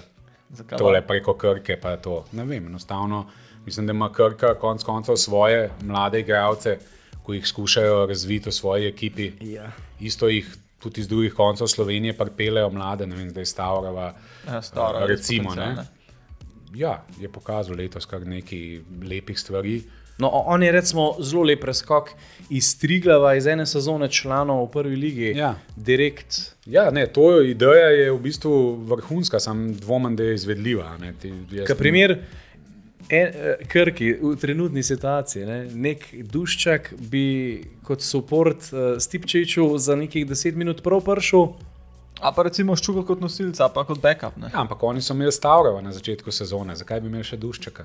No, sam A veš, kaj ti hoče? Ja, ampak tam je Stipčevič 40 minut, pri 36 skozi špilo, Stavrov, še vsem je, ne glede na to, da ga hoče dati na pleje, še vsem bolj ja. na dvojko, trojko bi Ja, pomagal. ampak ja, mislim, se pravi, še enkrat ideja to je bila, je nekako, so mladinci, pa je ne vem, slovenska liga, pa to, ko si ti rekel, pa ne vem, Krka, pa pol Olimpija, kdo to preseže. To bi bilo nekako po stopničkah Ampak lep zaporedje. to no. je- Točno to je. To je nemogoče, tako sodelovanje, no, verjem. Uh, lahko nekdo, ko bo uspešen v Krki, ga bo Olimpija vzela, ja, ampak ne na ta način, da bo on iz mladinske ekipe preko Ilirije v Krko, pa nazaj v Olimpijo. Je recimo. sam kaj pa poanta, Krka bi lahko ob dogovoru pršparala. Ker Zelo velik. Mislim, v obe strani, če tako gledaš, bi kar finančno je Krka pač. Pa dobro, to bi moglo- to bi mogli zdaj oni oceniti, se jim splača to. A lahko eno in ti so menili duščaka, in en duščak bi prinesel to, kar si jim pač, kar si ti recimo omenil. a ne. No, ali pa ne vem, Habot, primer. Jaz, Kdorkoli, ja, nima veze. No, ja, pač, ja, ja, ja. To bi bilo na njih, ampak ne, jaz mislim, da je to tako zelo enostavno. Ta, Zdaj še daco, trenerne pomočnike. pa nima veze, bolj nasplošno, Krka, Olimpija. Da je bilo to sodelovanje tako narejeno, jaz ne vidim šanse, da je to sploh možno. No, v redu. Mislim, rabila sem neko mnenje iz, mi rekel, bolj strokovnih mislim, vidikov da ali to- pa poznavanja relacij novo mesto Ljubljana. no. Ampak sej dejansko, kakšni dejansko pa so mogoče cilji Ilirije? Je cilj nekako, da se pride v ABA ABA dve. liga, ABA 2? Ne vem, to pa vprašaj ljudi iz Ilirije. Okay, v Bova, redu. Bova, Tako da prej, če smo že tisti krko omenil, jaz bolj neka realna opcija je recimo Helios. Stari Helios mi ima letos full, full. Sam Helios se mi zdi, da je. ful ne jemlje. Ja, se krka tudi. Ja, pa skrb bolj. Jaz bolj, če bi se že to šel, bi verjeten bolj realna opcija, da ti neko sodelovanje s Heliosom narediš, pa si v ABA dva lige recimo. Ne? Ne, neka, se mi zdi, da je neka umestna stopnica manjka Manjka, ja. med eh, Ja, centralno sigurno, ja. Olimpijo in Ilirijo. Marska še igralce pol zgubi, ako ne more Ja. pravočasno priti na un nivo Olimpije in pol pač ja je. Ker primer, če bi ti kot mlad igralec, primer, tako kot so teli podpisali za Olimpijo in imaš ti načrt, gledaj, prvo leto, ne vem, Ilirija, če si dober, greš, ne vem, ABA 2, kdorkoli, bo Ilirija mogoče že špilala, pa potem nekako. Še delaš pa še eno leto v Krki v delu, pa da vidimo, če ste, ste, ste praga testa. Naprimer, na to sceno. Sicer pa že spet vprašanje podpisa, zakaj si podpisal, bi lahko Ne, se vidiš, da odkimavam. jaz ne- Enostavno ne vidim te ideje, rekli, hvala, ne, te ideje da, da se zgodi kadarkoli. No, tako da mislim, da je preveč tukaj Pa preveč sanjamo. nekih drugih interesov, da bi se kaj tasga Se to zgodilo. po enem stran, če gledaš, je potem malo žalostno. Ne? Ker če pogledaš, pač valjda neka. nek Competitive environment mora biti, mora biti, to je definitivno. Pač, če pogledamo Litvo, se so tudi derbi, pač uh, Rita spa, pa Žalgiris, pa ampak na koncu vsi delajo za dobro Žalgirisa, če tako gledaš. Ne. Pač jaz mislim, da Ja. ja. iz tega vidika mogoče bi, bi se bilo treba po. Fora je, Litvi ker v Sloveniji premalo klubov To je to. nastopa na nekem nivoju. Nasploh je Slovenija premehna, da bi se šli neko, neko na hardcore, ko bi rekel, se je pa to glava. Ja, lej, ne vem, se pa, lej, lahko, če se imaš, da imaš slovensko ligo, pa, lej, pa ta igralec, pa ne v slovenski ligi, da 35-40 pik, pa bo šel verjetno nazaj v Olimpijo. Ne vem, na pamet govorim. Naprimer, da imaš nekoga, da, da če je tak, če si pa tak, do, do, dober, pa da boš pohara pa E, slovenski. en smešen zgodovinsko vprašanje. Jaz sem bil takrat, ko star ne 3-4 leta, Luka, ti še bolj vedel. Kakšne številke je imel uh, Ariel McDonald v Krškem? Ja, sem res. Je Ker, ker to je bilo meni tako. Je, Ker sem prebral, da je šel on iz fucking Krškega, Ja, ja, ne vem, da basket špilajo. Iz Belgije v Krško. ne? Imel je, imel je lepe številke, nim, jaz sem takrat igral, jaz sem igral takrat v Litiji ali v Zagori, se ne vem kje, um, ki je on bil v Krškem. Uh, on je imel lepe številke, ampak predvsem je imel pa full veliko število asistenc tudi, pa predvsem je pa vodo eno, sicer povprečno ali pa solidno, solidno, a to se sliši, zvon, telefon moj pa to. Gremo plesati.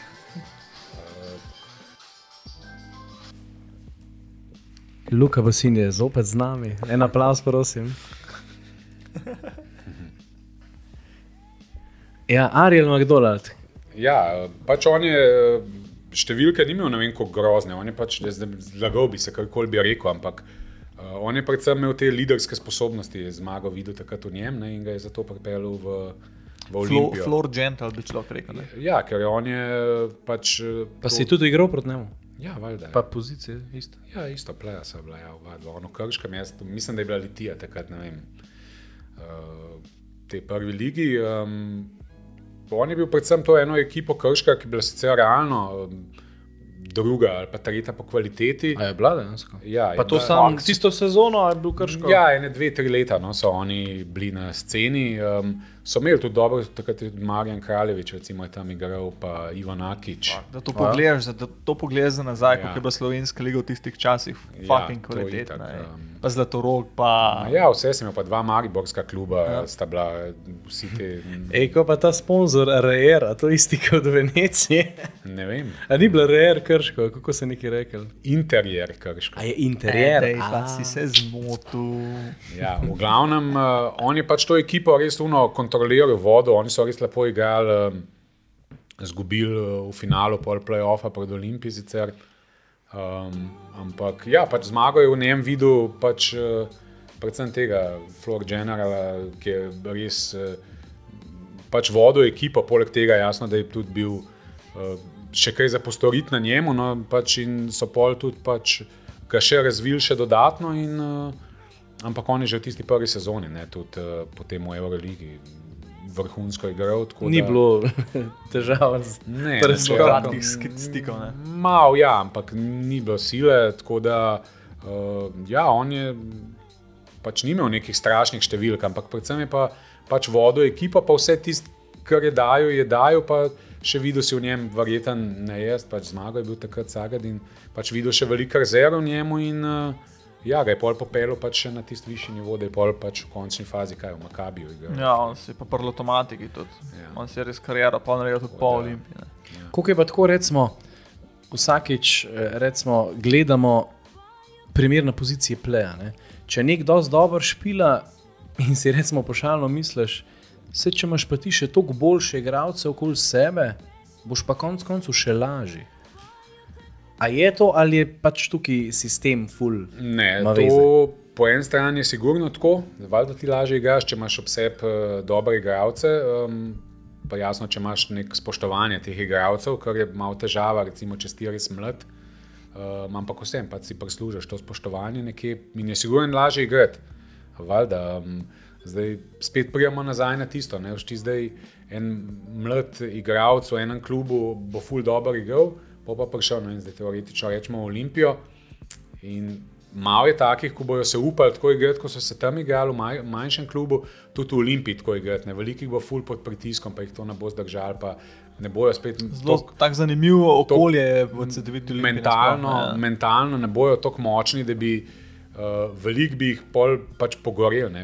Imaš pa kakšne pač, ko, ko bi pa, ko bi pa lahko prišli, ki jih dobesedno, kdo reče, malo boli kurec, pa domač pove, ja, ne, pač uno. Bodo na glas. Boš dal na glas. Um, pač uno, ko niso obremenjeni, a ne, sej, uh, lej, ne vem. Miloš Teodosič, recimo, mladi. To je. Kaj, pač on, je, on je bil backup uh, point guard v FMP-ju, pa je igral tistih 5-10 minut, potem pa prvi play šel v tujino, Rašič, Aleksandar Rašič, in je on preko noči rad v prvi play, bi igral 35 minut. Sam on je isto igral, kot je prej igral tistih 5 minut, ne? on se ni obremenjeval, pač on je iste stvari delal in zato pač Je, je Mil- je. je Miloš, Miloš, ne. ne. In to je, spet prijemo nazaj na to. No. Veliko je bilo dobrih košarkarjev, pa je še dobrih košarkarjev, ampak kar loč, kar dela razliko, ne, je ta mentalna moč, verjemite. Pa ko smo jih pri plejih, ne pa da gremo, kaj smo začeli v tej temi, dan duščak. Ne. Je on tisti, kar pa dejansko iščemo že nekaj časa, pa je nekako vsako sezono, mogoče je finančno nedosegljivo ta pes first play, ki bi ga res, res, res, um, res nucal. On je pač tudi all around, Konec ne izstopa ne. tok. Pa spet je višina kle problematična, ne? ampak uh, drugače playstyle pa je tisti, ki iščemo. Ne vem, Ne? ne, ne vem uh, ti je rekel ja ali ne. Se še, se še Premalo premal ja, sem ga videl. premalo sample size. Premalo sem ga videl, um, sigurno lahko zaenkrat odigra verjeten neko vlogo tretjega playa, ko bi mogoče naslednjo ali pa čez dve sezone bil backup play, pa v neki idealni različici potem v nekem času, če bi se razvil v tej smeri, ko bi se vsi želeli, ampak se konec koncev dobro, tudi če bi imel backup playa. Tako je, točno to je, jaz isto to pravim. ja. Luka Rupnik, tako je bil, recimo, pa spet ne bomo, a je zdaj on letos razočaral, ali je bil dober ali ni bil Se ne dober. moreš reči, ker ne vem. Um, ti enostavno moraš imeti, no, jaz mislim, v CD-viti Olimpiji. Vsa, praktično vsak backup najmanj mora biti slovenc. Ne? Ja, Ja, ja, najmanj, najmanj, ja, najmanj. Najmanj, če ne na nekih pozicijah, tudi glavni igralci. In, lej, uh, Duščak pač zdaj realno je lahko tretji play, realno, Ja. to jaz mislim. Ne, mogoče bo naslednji let drugi, jaz ne vem. Odvisno, kako se bo razvijal, pa koliko je, koliko je močen za, v glavi za ta nivo, pa koliko bo delo. Jaz njega tudi ne poznam, nikoli Ja, ja, itak, z njim ja. delal. Um, tudi zdaj moram reči, da nisem spremljal prav veliko, kako on igra v, Iliriji. v Iliri, videl sem malo statistike, nisem pa videl načina, kako igra. Da, No, pa ko smo lih pri, pri, pri plejih, ne, pa da mogoče malo pogledamo proti prihodnosti. Žiga Samar, ne. on pa ima to višino, ne, konkretno višino za to pozicijo, ja. pa playstyle tudi ta prav. Ne. Si Ja. kaj, spremljal, kakšno imaš kaj mnenje, je potencialc, ne, konc koncev. Hiter Njega sem pa malo več spremljal in predvsem me, sem presenečen nad njegovim hitrim razvojem. Ne. On je bil, on je še ne vem, še par mesecev nazaj je bilo, a bo neka ideja, da ga pripeljamo v Ilirijo, pa, ja, pa ne vem, ali je lahko on v Iliriji prvi play ali ne, ne. To je bilo kakšen let nazaj, recimo, ne, ki je on prišel. Poj pa kar naenkrat začel tam v Fenlabradi igrati in zdaj, ko ga gledaš, dobesedno vsako tekmo igra boljš, pa je bolj raznovrsten, pa visok je. Dobro se je spoprijel iz člansko košarko. Do, ne. e, recimo, ne, on je ta prehod naredil ful dober, pa očitno je tudi uh, v glavi ta prav in uh, on, on je pa po moje, za moje pojme, no, kar sem ga gledal, pa zelo zanimiv. In za prvega pleja, konc koncev, tudi mogoče. Definitivno. Z lahkoto. Ja. Mislim, če bo šlo vse v pravi smeri. No, ampak Pa veliko ljudi je dvomalo ne, v to njegovo odločitev, da je v Friend Labrado, konc Ja. koncev. Kaj Ja. ja. si rekel, pa če Ja. Sam pa- mogoče ni tako pod pritiskom, pa lažje. Paca, da liga je močna, veš, pač Ja, pa. dobro. In ampak ne, on se je ful dobro s tem spoprijel no, in on dobesedno tekme v tekmo igra boljš. Vem, tudi ko spremljaš kakšne novice ali pa kaj, kar naenkrat se je začel Samar omenjati, ne, ker Samar je bil ključni človek, Samar je Ja. ja. naredil ključno potezo. eh, Samar je Podal pa- za šut, podal 18 zmago. točk, 9 asistenc. Viša mu se minutaža, konstantno, tako da lej, on je pa mogoče celo najbolj zanimiv od teh mladih ja. plajev slovenskih. No. Zdaj pa je en tak ful zanimiv vprašanje. Lahko ga boš ful hate ali pa ne, ampak Olimpija, ne? zdaj bomo rekel Olimpija, ker je pač za malo za nazaj, pa sedanja.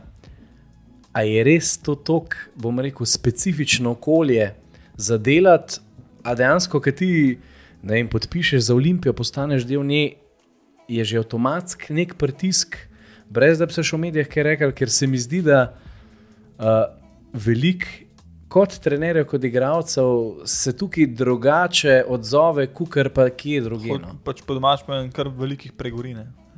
Mislim, pregori, zdaj to je težko reči, ampak vidimo, da razni igralci in trenerji, ki pa grejo v druge klube, takoj je zopet, ne vem, on ali pa kukar koli. No.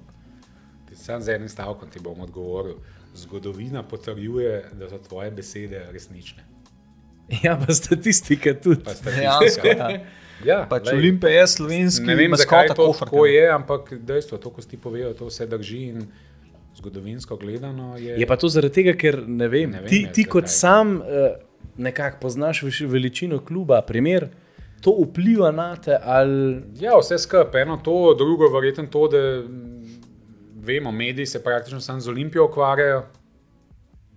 Um, začne se pisati o tebi. Uh, Slovenska kofarka, konc koncev, odvisno od dobre olimpije. Donsko so pač. eh, Jaz to sicer maksimalno sovražim, res sploh ne spremljam, če verjameš ali pa ne, ampak vem, da na marsikdo pa ja, ne, te forumi, pa Facebooki, pa te komentarji vseh, oh in sploh. In to dela en pritisk in očitno je to za veliko večino, za veliko večino en tak pritisk, enostavno pač ga, ne, ga ne zdržijo, očitno. To se Ne, zgodovina nas tako uči. Ja, ne. to konec koncev gre z roko v roki. Ne? Se, se, kot sem rekel, pač, Olimpija, katera koli, to je pač maskota slovenske kofrke. Ne? In pač nekako moraš človek pričakovati, če priješ pač v klub, da boš pod pritiskom.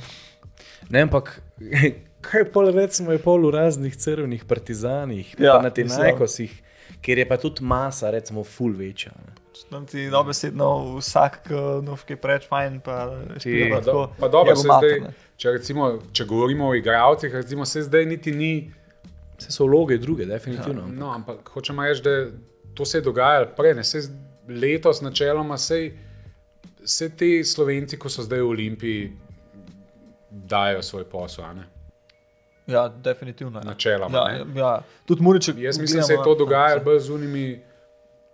Prejšnjih olimpijah, ne, takrat, ko sem bil še jaz, ne, ko so bili res majhni budžeti, pa si mogel za slovence pripeljati nekaj igralcev, ki so bili tam na robu slovenske reprezentance ali pa delač, sploh niso bili reprezentanti. Ne. In za te igralce, večina teh igralcev je pa pač eh, ta pritisk prevelik. Ne. To zdaj, mislim, No, sam tam je šlo še vse en budžet, pa pričakovanje z roko. Ja, ampak pritisk Tule je bil pa isti, a ne pa mediji, pa to je bilo pa skozi isto, kot zdaj praktično. Ne? Okay, zdaj, pričakovanja so zdaj večja, kot so bila takrat, ampak neki pritiski so, bili pa, so pa zmeri na Olimpiji. Ne? In jaz zelo upam, da ko se igralcev tiče, da pač to ni, da zdaj, da se je to malo. Da se je to malo ustavilo. No, da, Vem, sem vaša, vaša okorna ekipa, pa to ne. ja, To, tudi, to je res, pač dan pa noč, že bažite pač gledamo. ne. To je. Vse to pravim. No, ampak, eh, ne vem, no, je dejstvo, to, ko sem rekel, pač, ne vem, zakaj je to tako, da, da večina igralcev, kot da get, ne vem, da 40 pik pride v Olimpijo, ne vem, da 2-3 pike. Pa ga drgam, pa da spet 30. V Olimpiji. Ja, no, saj. Ja, pride igrati proti tebi, pa ti da 30. Ne? Pa si pa rečeš, škoda, da fakt ni mogel kleš pila. Ne? Ja. Pa še nekaj, je en moj oseben vprašanje. Pač jaz odkrito sem fan okorna. Ja. Pa glavni razlog je pač ta njegova energija, zdaj tudi ne vem, ja. Ja. a je tudi on tako zaprisežen Olimpijen po srcu, ampak ta njegov energij, no, to, To pa je. Pa je, je na meji, nič ne rečem, ampak pač meni je to ful bolj, kot pa mislim bolj. To je že spet težko, ampak uh, ti kot del tega, ali je pač sodelovanje bilo drugačno, Kot kot pa drugimi. s kakšnimi drugimi, manj temperamentnimi, energičnimi, kakorkoli. Pa Jaz sem imel Ali je pač Gašpor, Bilo je, ali ne. Gašpor na tekmi neki pač privat, pa Ne, ne, ne. On je, je tudi privat, privat je energičen. tak. Mislim, jaz sem načeloma z vsemi trenerji, ki sem delal na Olimpiji, sem imel dost uh, dober odnos. Um, bolj kot ne z vsemi. Um, tako da pač. To so bile neki časi, tudi ki je bilo pač vse drugače. Jaz mislim, da danes ni tam tako. Ne, da, Ne, je to je tako. Okolje je čist drug. Ne? Ja, in uh, kaj ne ti rečemo, Gašpor, okorno. Pač, ja, on je s srcem po Olimpiji bil, on ima ta karakter, ki ga ima, tudi ima jajca, po domač povedan. Ja, definitivno. Uh, naredil, naredil stvari, ki jih mogoče kdo drug kdaj ne bi. Um, Tiskovka takrat, Recimo, ne, to in, uh, kapo dol. Kaud spred pa zadnje. Kar se tega tiče, lej, je on tudi, tudi mi dva so zelo dobro sodelovala, tako poklicno, uh, assistant coach, head coach, um, tudi dal mi veliko svobode takrat v tistih sezonah. A tu ste imeli takrat po 80 tekem. Ja, Oh, to je takrat, ko zgor, kako ste že Ja, prejšnji ja. kako ste potovali. tako. To je bila ta ena izmed teh sezon, dve sta bile take. Uh, Pravi, dejansko državno prvenstvo, Abelega Vse, pa še igrali, evropsko. vse, Je, vse. PMT. to sem- vse smo igrali. To ste imeli. pač nismo trenirali, smo sami igrali. To se vam je splačalo letna karta za, za Brnik, pa za. Ja, ja, smo bili skozi na avionih. Za Deluxe člani. Ja. Adrije.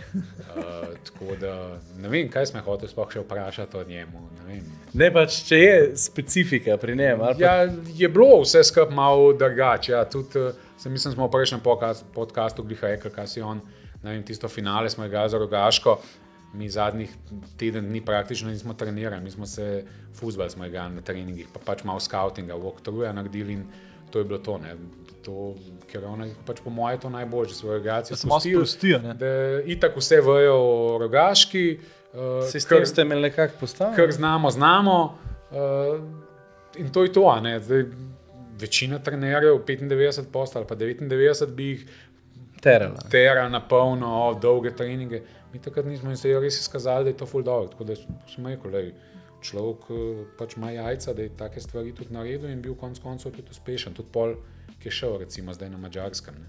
Ja, tam tudi zdaj je športni direktor. Ne? Mislim, ja. da nekaj takega vloga podobno. Mislim, Ja, da. ja. Kar. Je full fajn, tilce imaš ti še kaj, no, mislim.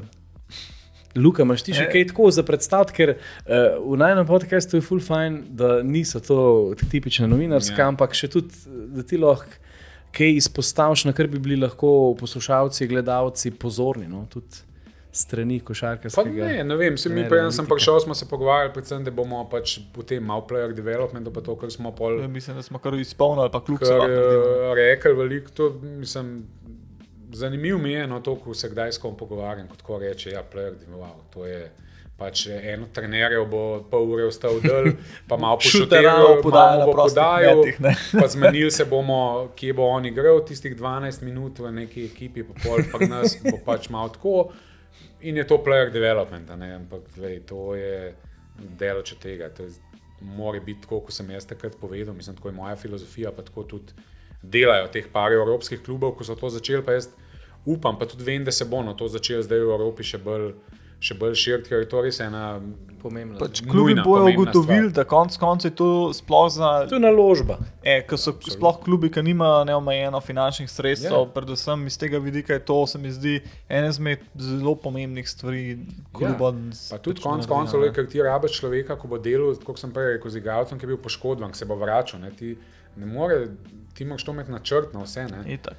In, uh, Zato je pa pomemben dober načrt, če se greš tega. Ne? To je Predvsem pr to. načrten proces z cilji, ko jih moraš ti dopolnjevati. Pa, Je tako. uh, Pa bi bil Pa ne kot- smeš odstopati od njih, ne konc konca. Ne? Ja, ne, lej, mislim, ne smeš odstopati, moraš jih pa modificirati, sem pa kaj. a Ne, ko vidiš, da nekaj ne gre v pravi smeri, moraš pač malo modificirati, zamenjati neke stvari, ampak uh, moraš pa to skozi nadzorovati. Pa, Pa si kot uh, player development coach uh, tudi s- dejansko na vseh treningih prisoten, ali je to pol bolj po treningu?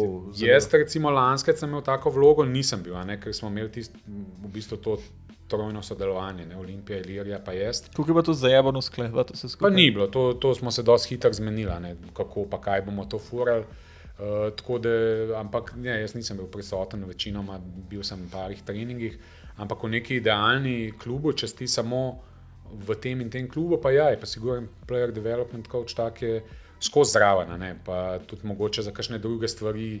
Zraven zraven. se ga še Ponuca. pač porab, ponuca. Ne, um, tako da, spomnim, tak klasičen primer je Bayern, recimo tam je Emilio Kovačič, player development coach, pa ima še pod sabo, mislim, da enega ali pa dva, ko jih pač nekako vaja, tako da to je cel tim. Ne, in, uh, meni je, moram reči, da mi je malo žal, da so to pač na Olimpiji prav ta proces nehal. Pač, ne vem, mogoče zdaj delajo na nek drug način, ne vem, nisem zraven, uh, ampak na ta način smo mi delali, pač, uh, je bilo še marsikaj za postoriti, no, pa še dvigati na še višji nivo. Čeprav prek sezone smo se skozi pogovarjali, pa malo imeli kakšne sestanke, pa se pogovarjali, kako to poteka. So bili ali pa smo bili vsi pač navdušeni in pozitivni, da je to v pravo smer. tako da mi je bilo pol malo čuden ali pa kar malo razočaran sem bil, da pač tega nismo nadaljevali, niti da mi ni pač noben nič sploh obrazložil, kaj, zakaj ne, zakaj ja, kaj je dobro, kaj je slabo, ampak pač nima veze. Smo šli dalje, vsak svojo pot. In, Bil, bilo prošla. Nekaj, ne? Ja, mislim, tako je v tem biznisu našem. Tako da nič, nobenih zamer, ničesar. tako Da, Ja. Kako se, bi, kako se pa ti kot recimo, co, uh, development coach sam develop, developeš, Developiraj. Jaz, Developu. eh, nadgrajuješ? Ma jaz sem se itak skozi, jaz sem tak se mi Seminarji kdaj- pa to, ne? Kršni pravijo, da sem še preveč o tem. Ja, jaz skozi nekaj študiram, pa tekme gledam, pa te statistike, pa Synergy, pa seminarje poslušam, pa gledam, pa hodim okoli po treningih, kršnih tudi tujino. Kakšnim trenerjem, pač imam dosta kolegov med trenerji, tudi dobrimi. Konec koncev me tudi vabijo, kakšni moji bivši sodelavci, zdaj pred Da je prid pogled, boš pa povedal. Gašpar, Gašpar Potočnik, Aha, recimo, ja. rekel, ampak sem glih tako On je Kormen? Korment, ja. Ne, on ni je v? Solnoku zdaj. Um, da je prid malo ok, pa točno to, da je boš malo pogledal, pa še malo ti tam zraven naredil, ok, pa tako. Uh, tako da je to, ampak sem šel glih takrat v Estonijo, tako da nisem mogel, bi pa, bom pa šel verjetno. Solno, kdo sta Bađim, pa Bađim, Subotič, pa Čakarun. Ja, Aha, a ja, oni, da je tam potočni. ja, um, ja če kakšen let pa pol ali pa dve let mogoče. celo. Uh, tako da ne, jaz sem se pa tudi, jaz sem se full videl v tem no, jaz, in sem tudi full delal na tem, da bi ta player development coach, da bi kle postal, pa da bi nekaj postavili tudi tukaj v Ljubljani. Um, še zdaj sem, no, to je To meni je v bistvu prepotrebno, odkrito povedano. Poslanstvo. v največji užitek mi to bilo delati in eh, še zdaj, tudi tam, sej tudi tam v osnovni končni fazi delam nek tak projekt. Um, tako da meni, jaz sem full delo na tem, no. zdaj nam je kot da sem zgubil ambicije, da bi bil head coach ali pa karkoli. Ampak eh, Si se bolj v tem najdel. sem se bolj v tem najdel v zadnjih dveh, treh letih in uh, mi je bilo res full dobro, no, ko smo takrat začeli to delati. Na Konec Olimpiji. koncev je to res ful pomembna vloga, če tako gledaš. Ja, lej, ti vem, skrbiš za to, da očitno, Očitno ni bila vsem tako pomembna. Tako da, ampak, eh, ja, no, v glavnem, jaz še zmeraj delam na tem. No, Od, od držav, ki si jih pa obisku, pa ki si pač bil prisoten na določenih trenažnih procesih, za katero bi rekel, da imajo pa te, ta sistem razvoja mladih res pač pod streho in vejo, kaj, kaj delajo. Ne? Pač Nemčija, sigurno ne ena izmed teh držav. Španiji. ne. Španija. Španiji, ne sicer vsi klubi, um, ampak uh, imajo, ne vem, Valencija, Juventud, eh, ne vem, Sevilja, Gran Canaria, Tenerife. Uh, tudi te velikani, jasno, ampak one, Barcelona, pa Real Madrid. pa Masovk. ti Tiste- glavni cilji ne, za te plejere, da pridejo Uh, k njim. ne. Ja, tisto Ti se vsak let 50 odpadka, pa sem sekira. po 30-40 tujcev v svojih mladinskih kategorijah. Ne? Tako da to je spet malo drugače. Ampak sam tak sistem, pa ja, te manjši španski klubi, recimo, imajo to uh, dosti dobro zrihtan, pa predvsem pol, ko, po 18. letu, ko ti končaš mladinski staž, imajo oni še naprej dodelan sistem, kako biti potrpežljiv 19, 20, 21. Ha, se to je res pomembno. ker- 22 letih ti prideš mogoče na, na nek nivo, ki te bo pa lahko tvoj klub uporabil. Ni tako kot Amerika, ne, ker je pri 18 na drev, ki si res uh, atletsko nad- nadarjen. Ti se pa itak posebna Pa je zgodba. to pač posebno. pa ja, tako, NCAA, tako. Ja, pa tako, te tako. Stvari, V Evropi moramo biti pač potrpežljivi s playerji, se mi zdi. No. Ja. Ja. Ker je veliko, kot sem rekel, pač, se mi zdi, da smo v Evropi bolj nagnjeni k temu, da kasneje dozorijo igralci, kot pa naprimer, primerjavi z Ameriko. Mogoče imaš isti mnenje. Ali... Pa, Je tam sam toliko več playerjev, pa Čist- se sam ne pozna, Ja. ja. da jih veliko pač gre v. težko je to reči, čisto odvisen od, eh, od igralca do igralca, od da. Ja, upam, da še kdo iz košarkarskega sveta to poslušal, da bo je začel tudi v tej smeri razmišljati. No. Lej, Sej, sej verjetno ne razmišljajo, sam pač Je zelo, zelo pomembna stvar. Ne? Ja. sej, bomo videli. Ja. KZS. Ne? Dobro, malo težje je to v reprezentancah ali pa to vse, se sicer fura, nek svoj projekt tudi.